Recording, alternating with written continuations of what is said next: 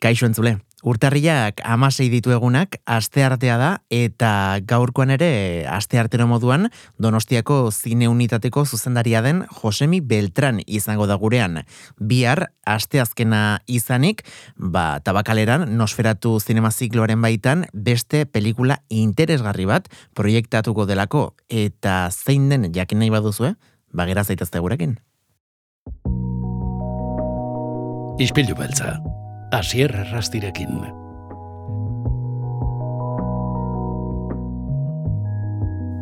Josemi Beltran, ongi torre gure izpilura. Gaixo, egunon berriro. Bueno, zer moduz, Josemi, ongi? Ondo, ja, ba, ba zigara urteko martxarekin, e, prestatzen gure lehenengo ekimenak, e, ja, badakizu hasi garela e, nosferatu zikloarekin, e, bueno, hasiko ga, hasiko garela. Aste hontan berez, western zikloarekin ja iragarri iragarri genuen pasaren astean eta duela lantasira izango dugu aste azken honetan. Ja horregatu genuen, laster aukestuko dugu baita gaztelaniazko liburua, western inguruan, e, hori kontatuko dugu baita, eta, eta bueno, gaur nahi baduzue John Ford maizuari buruz egin dezakegu.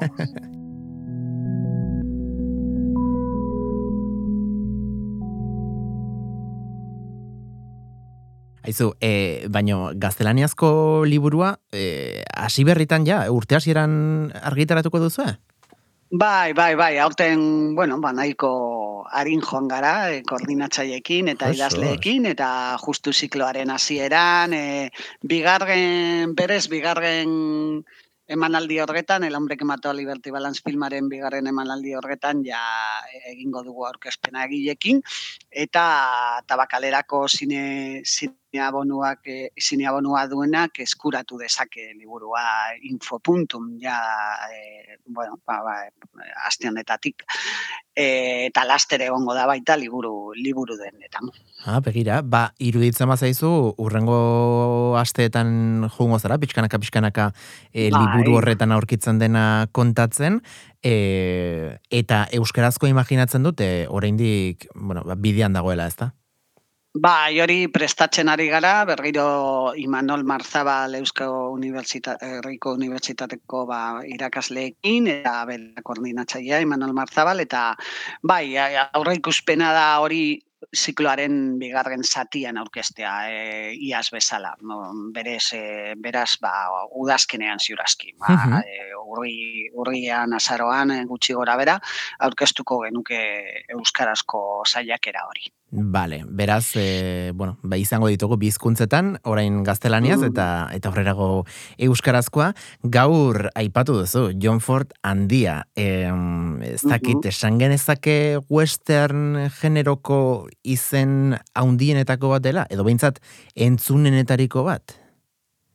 Bai, bueno, nik esango nuke western eta eta, eta sinema klasikoa edo, edo, edo, edo sinema estatu batuetako sinema sinema oroar, ez bakarri western. Bai, bai, bai, bai, era bat. esaten claro. zuen, beti esaten zuen John Fordek, no? E, e, John Ford dut izena eta western filmak egiten ditut, no? Hori zen bere definizio propioa, bere burua orkesteko definizioa, ba, pizkatera simple batean, eta kentzeko pizkate gargantzia bere figurari, baina, bueno, badakigu, ba, zinemaren kanon klasikoan, ba, bera dela maizua eta ez, e, bai, bere mm, ibilbidea den ba, zati handi bat edo argumentoen edo historioen zati handi bat e, estatu batuetako, batuetako historioan onjarritota dago eta horregatik, ba, bueno, westerasko daude, e, gero beste garai modernoago batzuetan kokatutako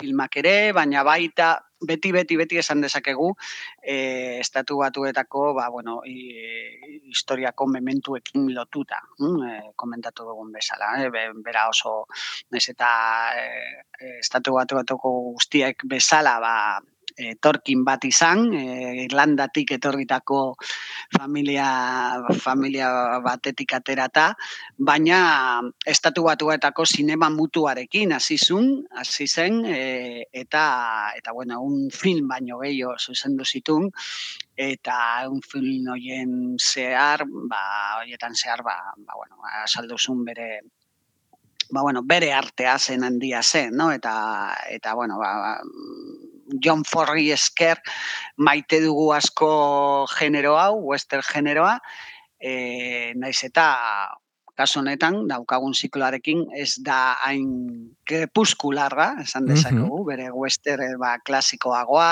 eta, eta western hasiera izan zen, baina film hau, El hombre que mató a Liberty Balance, bai, e, konsideratu dugu, ba, bueno, garrantzitsua zela e, botatzea ziklo, ziklo honetan. E, gainera, bueno, nik ez dakite bere mm, azken filma hau izan zen, baina e, irurogeita bigarren urtean e, argitaratu zen pelikula hau, eta John Ford bera irurogeita amairuan zen duzen. Beraz, e, amaika urte lehenago e, egin zuen pelikula izan zen, ez dakit, mm, zuk badakizun ondoren besterik atera ote zuen, edo edo hau izan zen azken bai, gero, bai, gero torri ziren beste batzuk, eh, La Conquista del Oeste, La Taberna Irlandés, adibidez, eta eta western munduan, bere bi azkenen, azkenak izan ziren El Gran Combate, Txeien Oton, edo udazkena Txeienea, esan dezakegu, indioen inguruan, gainera, eh, bueno, sabegira da eh, polita eta bidezkoa indioen inguruan, eta zazpi emakume, siete mujeres, hori izan zen azkenengo film luzea, osea que el hombre que mateo Liberty Balance ez zen azkena, baina bai dago sartuta bere azkenengo etapan, hori mm -hmm. gabe. Beraz esan... bai, bai, desenkantu eh, etapa horretan kokatu dezakegu, bai, dena den.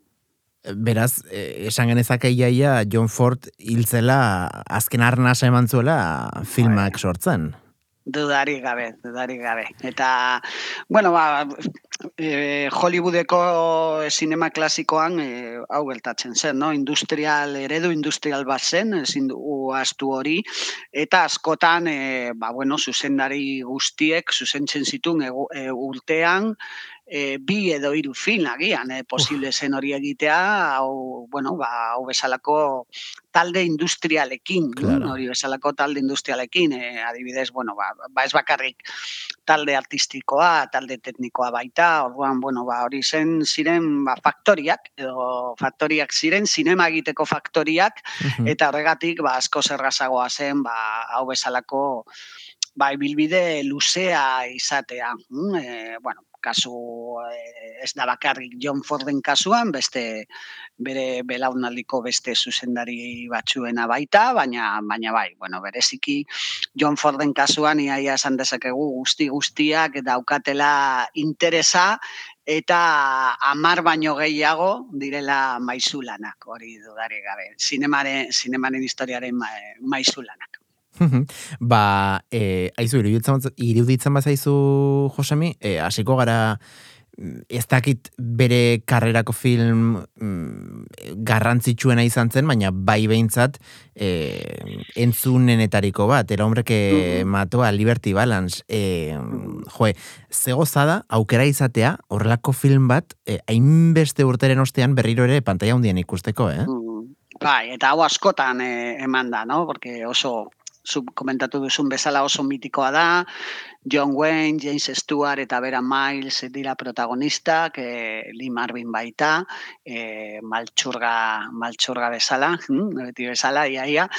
E, eta naiz eta, bueno, ba, bere azkenengo etapan sartuta egon, ba, beti aipatzen da, zen markatzen du pizkat, e, ba, hori, westerni begiradaren aldaketa bat. Hm, e, hemen ja ez da inbeste kondaira edo ez da inbeste mundu mitikoa, e, aurkitzen duguna da topaketa legea eta pistolen edo armen arteko e, borroka eta eta talka.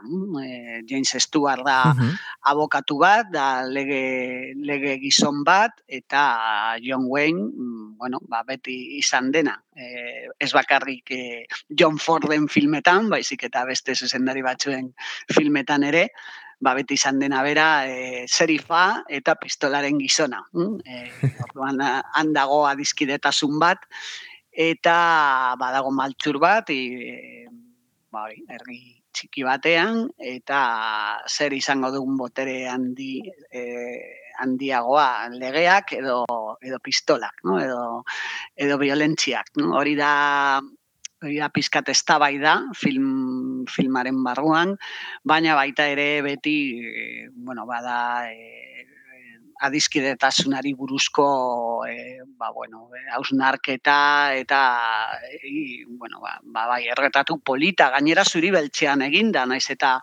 e, bueno, ba, mila bederatxiren eta bikoa izan, eta ja aurreko batzuetan, ja John Fordek e, kolorezko filmak egin zitun, hau hau kontatzeko, historio kontatzeko, historio triste hau kontatzeko, zeren beren da oso film e, tristea, naiz eta bizta lista izan da, da tristea baita, ba zuri beltza, e, zuri beltzean erabakizun kontatzea. Mm, eta hori ba, zergatik izan daiteke, eh?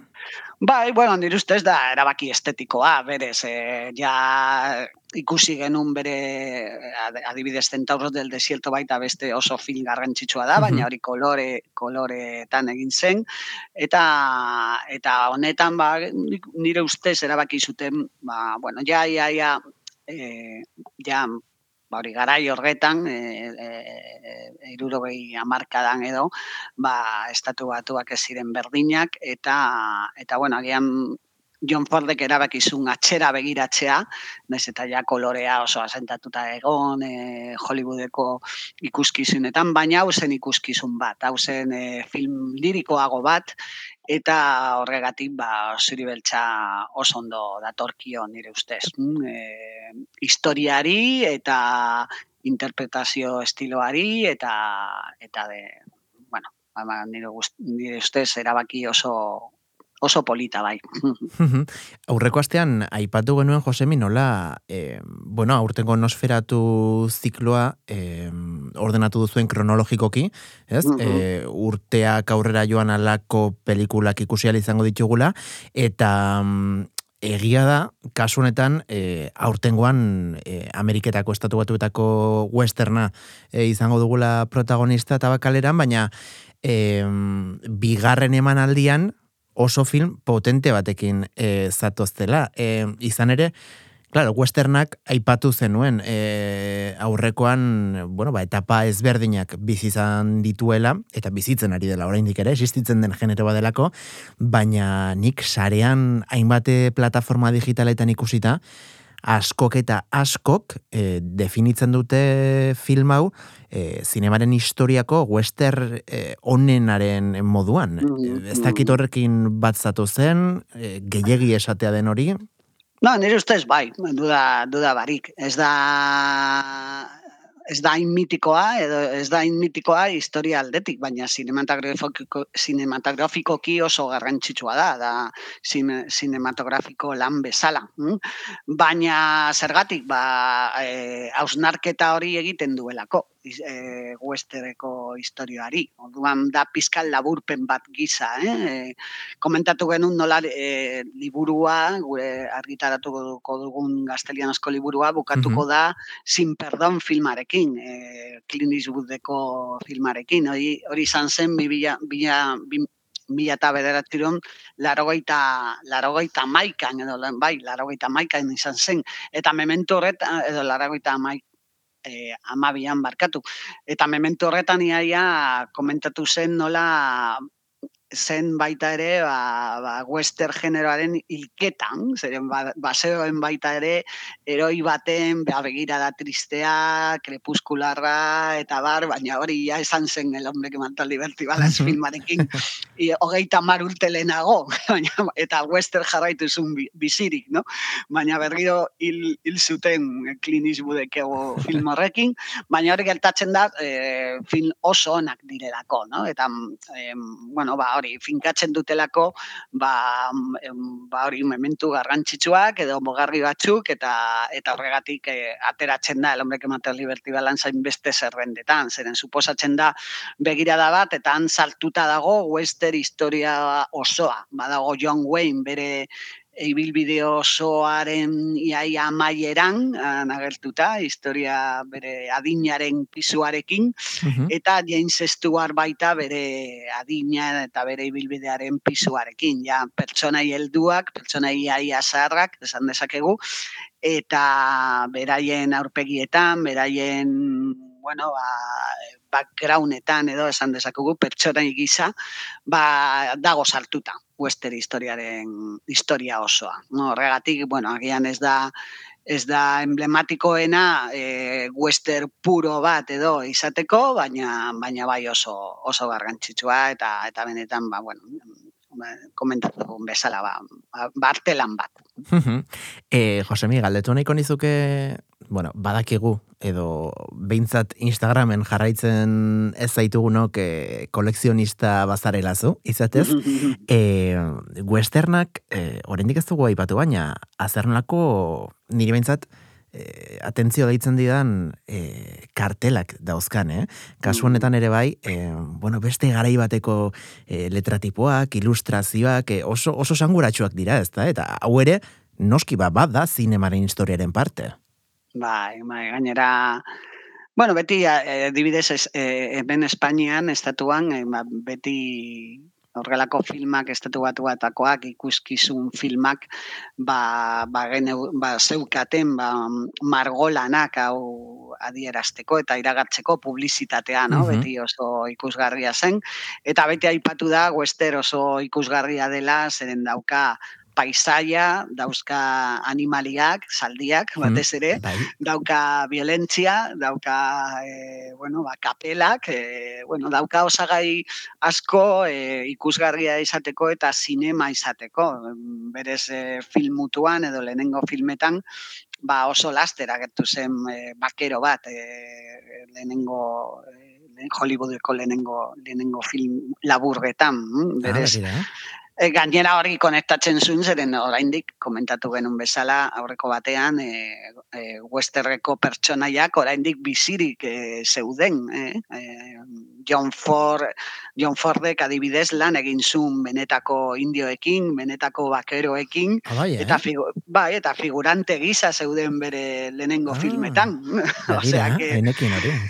ateratzen ziren e, zelaitik edo granjatik edo, edo re- erreserbatik e, filmetan lan egiteko. Ostras. Ze, bai, pentsa, bueno, ba, benetako iaia, ba, westerreko historia izan zen, ba, e, ba, berreun, e, osea, berreun, berrogei, berrogei urtelenago, edo berrogei tamar urtelenago, eta oraindik asko, asko, asko zeuden bizirik, eta oraindik asko, segun estatu batuetako ze lekutan, e, ba, bueno, zeuden aktibo baita, edo, esan dezakegu, eh? Orduan, ba, sinema mutua hasi zen, ba, western mundua e, desagertzear zegoenean, baina ez leku guztietan. Eta sinema mutuan adibidez, lehenengo filmetan, ba, zenbait e, cowboy edo benetako cowboyak ziren, edo etortzen ziren baita zirko batetik, edo e, ikuskizun ibiltari batetik, eta pasa ziren ikuskizun hoietatik e, ba pantalla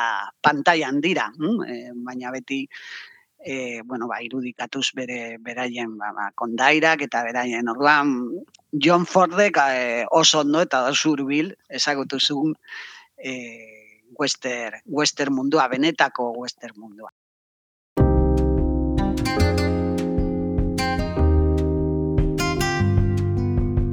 Ba, areta gogo gehiago sartu zait, e, urrengo astean, hogeita lauean, aste azkenean, arratsaldeko zazpiretan, ezta? Hori da. Hori tabakaleran. Tabakaleran, el hombre que mató a Liberty Balance. Josemi Beltrán, eskerrik asko, berriro ere beste behin gurera gerturatzeagatik, eta animo, aurretik dugun astearekin. Ba, bai, zuei, mi esker. agur. Besarkada bat.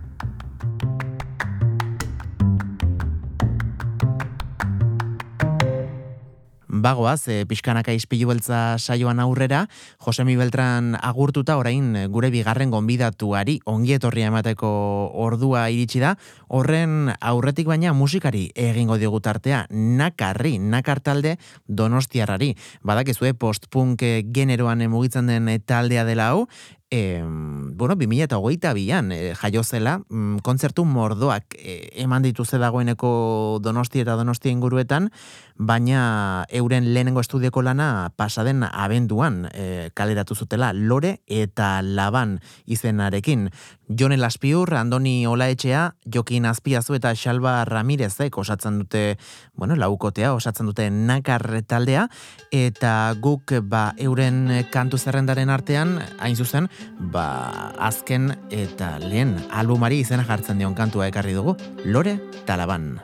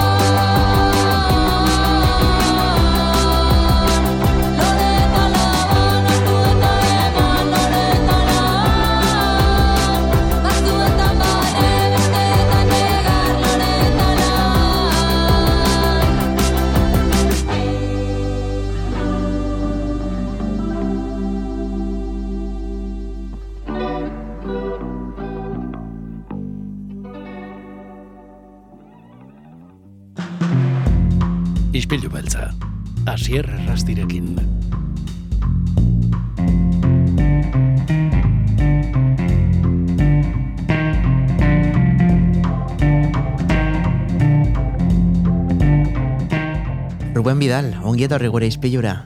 Kaixo, unon, esker, gatik.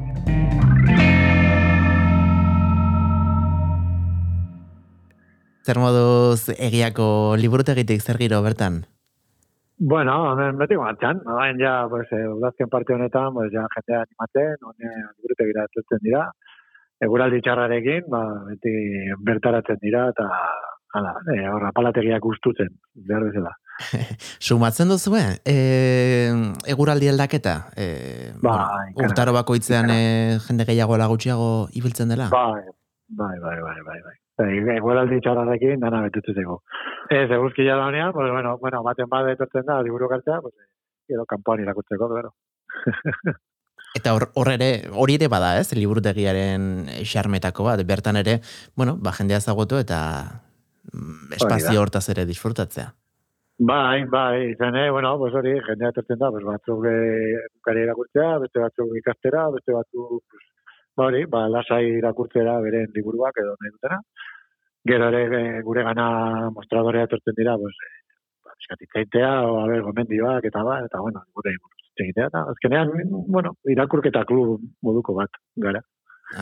Begiratze polita. E, Ruben, mm, agian gure entzuletako askok ez dizue aur, ez dizu aurpegia jarriko, baina, bueno, mm, txoritxo batek esan dit, laister zura urpegia Euskal Herri osoan barrena, ikosiala izango dela, ez da? Bai, bai, hau primizia eh, mundiala da. bai, informatzaile honak dituzu. Eta bai, laster hor, zuen pantailetan, eh, pantalla hondi txiki ertainetan, nortxe azalduko nahi, ni, bueno, eta txurak bat da, eh? eta artetxo batean, bakarrik. Euskal Telebistan. Artefaktua, artefaktua telebista saioan, bai. Jo, begira, eta, eta bertan ere komiki munduaz arituko zara? Bai, bai, baina ba, da, oso tarte txikia, eh, minutu batekoa, eh, ez da pentsa, eh, ez da gita, arkaitzkano banitz zela edo. bueno, bintzat aurpegia jarriko dizugu eta haizu, ba, egiara gerturatzen estenak bintzat etxean jakinal izango du, norden erruen bidal, bai. e, hemen ispilu beltzan bueno, izaten du. Ez, ez, ez dakit e, izena ere aipatuko dutenik, oza, ni, ni junitzen horta e, persona humano a bezala, eh, zeinoko eh, representazio gizia, eh? bueno, baina zure izena imaginatzen du rotulatuko dutela, ez? Zer gutxiago. Hori, hori ez dakit, hori ez dakit. Eta, bueno, gaurkoan ere, ba, beti egiten duzu moduan, komiki eder batek harri dugu ez da? E, zeren inguruan, arituko zara gaur? Bueno, ba, gaur ere bai, eh, gomendatuko dut, eh, aurrekoan gomendatu niena or, eh, antefaktua saioan. Ah, begira, o sea que... Behin prestatuta neukala, bueno, hau da, txerria bezala bana Ez dakigu zein publikatuko den lehenago, hau ala Euskal Telebistakoa, baina bueno. A ver, a ver, oi ja, zuen, zuen eskudago, ez da ikusi. Egingo ditut deibu batzuk, eh? eh enteratzeko. ergi, ergi. Bueno, ba, bueno, gaur eh, komentatu nahi dizuet, komiki bat, beti bezala, eh, anker izenekoa. Uh -huh. eh, iru egileek eh, ondutako lana, eh, Gregorio Muro, arriet ez izenez, eh, gidoi lanetan, Alex Macho marrazki lanetan, eta Garluk, ba, kolorista. Iru horiek egin dute eh, anker. Uh eh, bitxia da, normalean Gregorio Muroren ez izena, batez ere zinema munduan, Muro mm, delako ez da? Baina kasu honetan berak komiki honetan arriet moduan sinatzen du, ez dakit? E... ja, bai, ez dakit, e, bueno, eta gero argitaletxe bat dauka ere bai, eta arriet e, izena du, orduan, bai, ez dakit, nahi eran erabiliko du. Mm -hmm. e, orain txaintzen dugu komikiaren inguruan, baina agian pixkate testu inguruan jartzeko, komiki euskalduna da bintzat, e, gaur ekarri diguzuna, e, Gregorio Antonio Muro Arriet, nor da, egilea? Nor da Gregorio Muro? Ba, bueno, ba, hau erriki beha det, e, bera hernania da, nire zela, e, eta, bueno, esan beharra dago, nire uste tamen e, ba, Euskal Herriak daukan, gidoilaririk onenetako bat, dala, eh, bueno, ba, eh, aspaldi, aspaldiko, aspaldi azizalako lanean, e, bueno, ba, trajektoria luzea da gai, bide luzea daukalako ere bai, eta gero kalidade aldetik ere bai. Behin izan genuen hemen liburutegian, eta, bueno, ba, kontatu zigo, bueno, ba, zinema munduan ere askarmentu handia daukala, eta gero, ere kontatu zigun, ba, bueno, ja, pizkat, e, nekatu zala mundu horrekin, eta, ba, ja, zentratu dula bere bilbidea, ba, komikietan, ba, askatasun ondiago daukalako, berak nahi duen guztia idazten du, berak aukeratzen ditu gaiak, eta orduan ba, bueno, pues, e, aldertatik, ba, oso, oso libreago sentitzen da.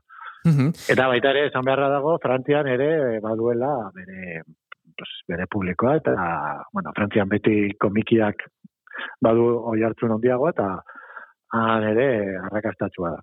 Jo, beraz, e, Gregorio, Hernanetik e, aratago ere izan du hartzuna, eh? Besteak beste, eh, gure Bai. entzulek, mm, bueno, mm, uler dezaten mm, zer nolako pertsonaia ez ari garen, 2000 eta amaikean e, goia sari bat irabazi zuen, e, laburmetrai, animaziozko laburmetrai onenaren goia saria, em, zinema munduan ere, bueno, ba, animazioan egin dituelako bere, bere gauzak ere. Bai, bai, bai.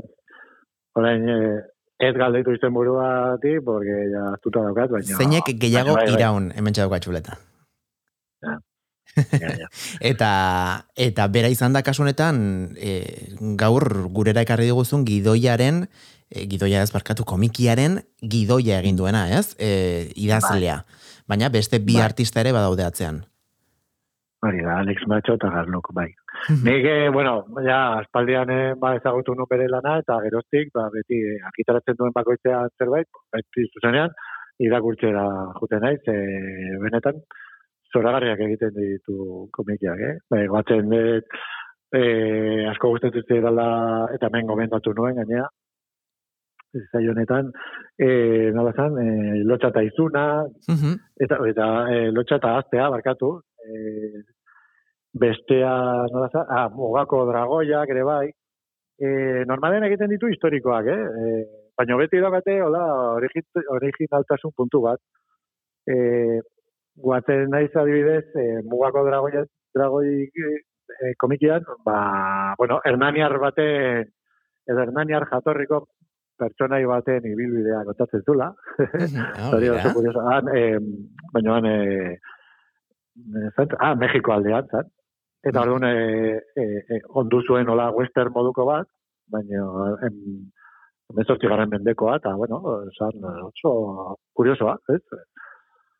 E, eta, bueno, ba, esate dizut, ba, bere ibilbidea, ba, bertatik bertara jarritzen dut, ba, asko gustatzen zait dago. Gainera, oraindik ez dugu esan, baina anker komiki hau aurten bertan e, plazaratu da, 2008 irugarren urtean, ez da? Hori bera, bai. Mhm. Ba, Horixe konta da. iguzu, ez dakit, e, portada ikaragarri, ikaratzen duelako portada hau, e, honek, e, portada ikaragarri hau irikitzen dugunean, zer topatuko dugu bertan? Eh, bueno, ahora azalean azaltzen da, ez, tigre, ez, baten burua, eta, bueno, orain honetan ez da eh, historikoa, eh?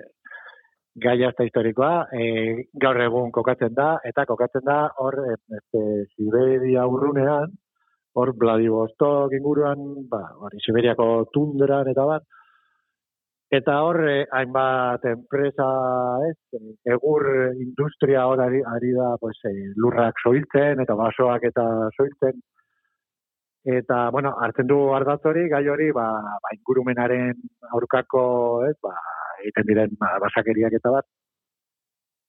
Eta hor, bueno, pertsonai protagonista batzu ditugu, e, baso zain bat, eta bere semea, eta, bueno, ba, txinako enpresa bateko burua, eta gero beste, e, Errusiako beste mafioso bat, eta bar, bueno, nahazten ditu, ah, eta gero baita ere, e, dokumentalak egiten dituen ba, ekipo bat etortzen da, ez, ba, ba, basoen ustiak utzai buruzko grabaketa bat egitea. Eta, bueno, ba, saltza hori behin e, prestatuta hor, azalduko da tigre bat, eta zauritu egingo dute, eta horretxe hasiko da, ba, tigre horren mendekua, nolabait esateko, eta, bueno, hor, e, horra ziko da ja akzioa, eta nola baita esatearen da, ba, ingurumen thrillerra, eta, bueno, zortzu ziko da. em, ez dakite spoilerra egitea den hau, baina em, tigrea benetako animalia bat da, la e, arrietek kasunetan metafora moduan erabiltzen du hau. E, biletara, benetakoa da, eh? benetako tigrea da, e, baina erabiltzen du naturaren metafora bezala, eh? Mm -hmm. ba, egiten dio ba, gaiztakeriari e, naturak erantzuten diola, eh? Eta modu ba, basatian. Mm -hmm. ba, nola baite, ba, esate, nola baite esateko da, ba, Spielberre marrazoa bezalako, bai. ari hortatik hartuta, ba, hor, zirrilerra atontzen du, gure mm -hmm. irukotenek. Gainera, naiz eta, bueno, aipatu dugun aurtengoa den, egia da, behintzate sinopsien irakurria alduguna, oso oso bueno, ba, gaurkotasun izugarria duen enkai bat dela, ez? E, Errusia, China, Ipar Korea, beraien arteko erlazioak, e, e, bueno, ba, Europatik datorren nola baiteko, bueno, zentsura, santzioak, eta mm, hor bada ez da, e, nola baitere polit, nazioarteko politika eta ekonomia ulertzeko, bueno, mm, ematen ditu ez, e, nola baiteko zertzeladak. Bai, e, e, Murok, Gregorio Murok, askotan, bere komiki gehienetan baina e, beti sartzen du hor kritika e, ba, kritika soziala edo politikoa, eta, bueno, eta kaso honetan, ba, ba, salatu nahi du, edo ipintzen du mai gainean, ba, gai hau ez, ba, hori, basoen e, guztiak eta edo soiltze hori basatia, ez, e, Eta bueno, ba horren inguruan ba hori, ba ba atontzen du bai e, historia hau, ez? Eta orduan gai sakon eta komplikatu hori berak erraztu egiten du, ba pertsonai batzuk hor ba ari bueno, pues aventura bat e, sortuz eta bueno, ba horrela gauzak ikasten dituzu, ez? E, nik ba horren berririk ez neukan bat ere, ba Vladivostok gertatzen dena, ba pentsa, ez? ba te urruna dagoen, ba Eta lehen ba, gauza horiek, e, ba, e, komikionek hori du ona, ez, e, erakusten dizula, ez, eta begiak iregitzen, ba, laguntzen dizula. Beraz, mm, Gregorio egin du, ez, nola dokumentazio lana, eta iaia, bai. bueno, ez dakite bueno, historio imaginatzen dute ez, baina e, gertakizuna bere horretan, baina bueno, ba, kokatzen den lekua, e, 2000 eta garren urtea, mm, geografikoki bertan gertatzen diren, ez? Aipatu duzun naturaren e, ustiapen, bueno, ba, basati hoiek eta bar, hoiek e, bai daudela, e, agian errealitate batean inspiratuta? Bai, bai, bai, bai. E, Hain, dokumentazio lana aipatzen dezula, e, gauza bat dauka ona e, Gregorio Muro da, berak egiten duen dokumentazio lana dela ikaragarria. Eta da, dauka, alde ona eta txarra. Eta baina esplikatu bet, alde ona da, ba, informazio pila bat e, laburtzen duela, Bai. E, gauza asko e, ikasten dituzula, eta aldi berean gerta liteke eh hasiera batean eh gerta liteke ba, ba abrumatzea, eh, e, informazio erauntzi hori, nolabait, uh -huh. ba, hasieran kostatzen da igual pizka bat eh nun zauden e, kokatzea, eh, buf, osea, izen e, asko, baina hori hasiera besterik ez da. Gero behin eh aria, bueno, azten danean askatzen, ba, orduan ja oso erres, oso atrapagarria da, e, eta hori thrillerra hortxe ja abiatzen da ez da gara baina orduan ba bi ja. bi alde horiek ditu ez? Ba, alde batetik oso ondo oso guai bai. gauza asko ez ditu baina bestetik ostra igual gehiago bai asko ikasten duzu baina bueno exigentzia maila bat ere mm, exigitzen dute ez? Bere lanek Bai, horrek ere bere bere aldeko, a ber, neri ere gustatzen zaitu eta hori exigentzia maila pizka bat eukitzea, ez, eh? Ba, bai. Ez, bueno, hori ere bai, ba, boladaren arabera, eh, igual, hmm. batzutan ez duzu nahi, ez zure burua komplikatu, eta bestetan, pues, bai, nahi bezu zerbait, nola, ba, pixkat exigentea, edo, a ber, zu kapa, kapaz alna izena, ulertzeko. E, eduki aldetek ikusi dugu, bueno, agian ez dela publiko guztientzat, behintzat, adin minimo bat izan behar zula, ez? E, batipat ulertzeko pixka bat egoera sozioekonomiko guzti hau, eta beste alde batetik ere, portadak, ez dakit zuk ze iritzi duzu, baina jende askoriagien ez dio gehiagi gonbidatuko, ez? Barruan liburuak duena deskubritzera. Eh, ja, ja, a ber, eh, nik ere, nire zalantzak izan ditut, hau, zeni komendatuko nire, eta, bueno, publiko aldoari, bai, eh, eta bat zalantzak. Baina, bueno, gero petxatzen, ba, gazteri, a ber, igual, azierako, ba, testu inguru komplikatu hori kentuta, a ber, egia zan, gero, historia, ba, nahiko errexan Orduan, bueno, igual egin dezake ez, nola baitu, piztu ba, kuriosidade hori, a ber, hau ze arraia da, bla, bla, bla, gau, basoen kontua, ze industria, gau, eta mafiosoak, eta, bueno, ba, nola baitu, ba, nuke baztertuko, eh, baztei gomendatzea. Baina bai, bai, da, bai dala batutan, ba, ba, e, krubela, ez, eta, ba, mm. bazati xamarra, eta, ba, baina, baina, bueno. Eta krudeltasun hori, ez dakit barruan zer aurkitu daiteken, baina behintzat azalean islatzen da.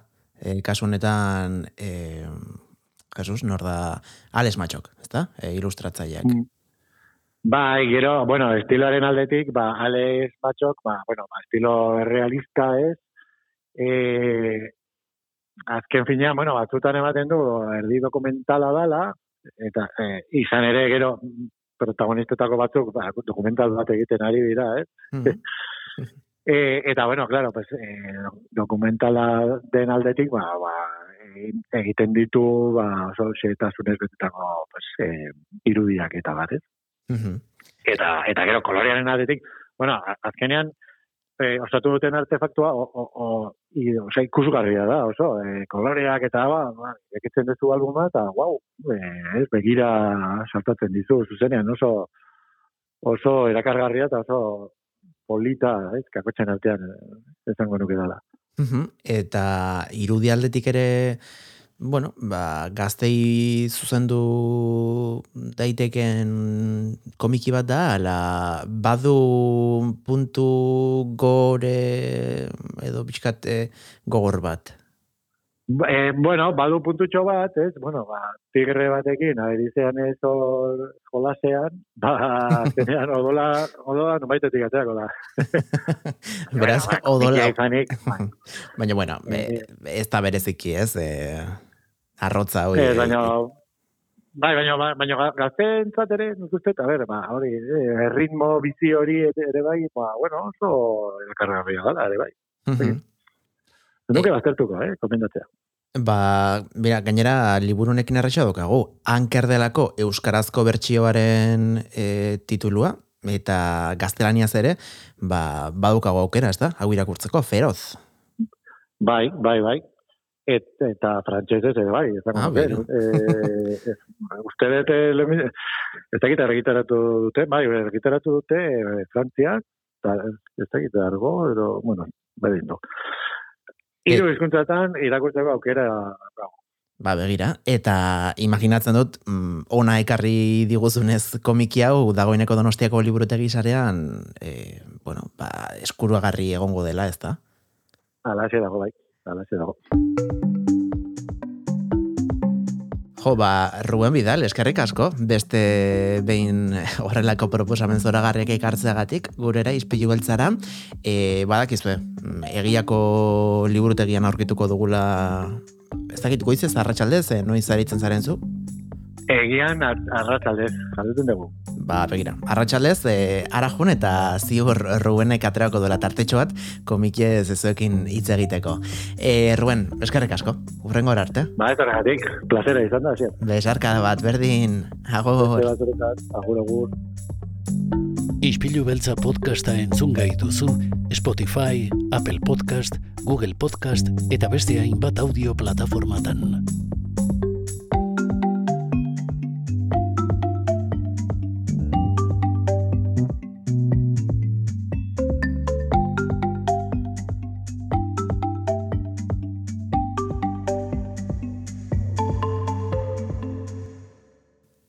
Ba, begira, tonto-tontoan joan zaizkegu gaurko genituen minutu guztiak, baina lasai, eh? biharrere itzuliko gara, aste azkena, e, urtarriak amazazpi, hemen izango gara, donostia kultura irratian, eunda zazpi puntu lau FM-an, goizeko zortziretatik aurrera, ondoren ere gogoratu errepikapenak izaten direla, eh? eguardeko ordubietan eta iuntzeko zortziretan berriro.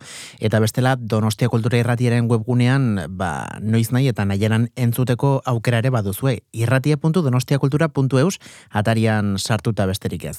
Podcast plataformetara pixkat lentxeago iristen gara goizeko seiretan, e, badelako jendea ezta, goiz joaten dena lanera eta tira, ba, autoan, e, autobusean edo dena delako ibilgailuan ba, ba gustoko izaten duelako irratia edo edo podcastak entzutean. Eta gaurko saioari agurra esateko urrengo astean ospatuko diren antiguako jaien kantua entzungo dugu. Indabe, eren egun eta oiu talde antigotarrek sortu dutena eta egia esan beintzat auzoan e, arrabotsa sortzen ari dena. Hau da herri izaera. Bihar arte. Agor.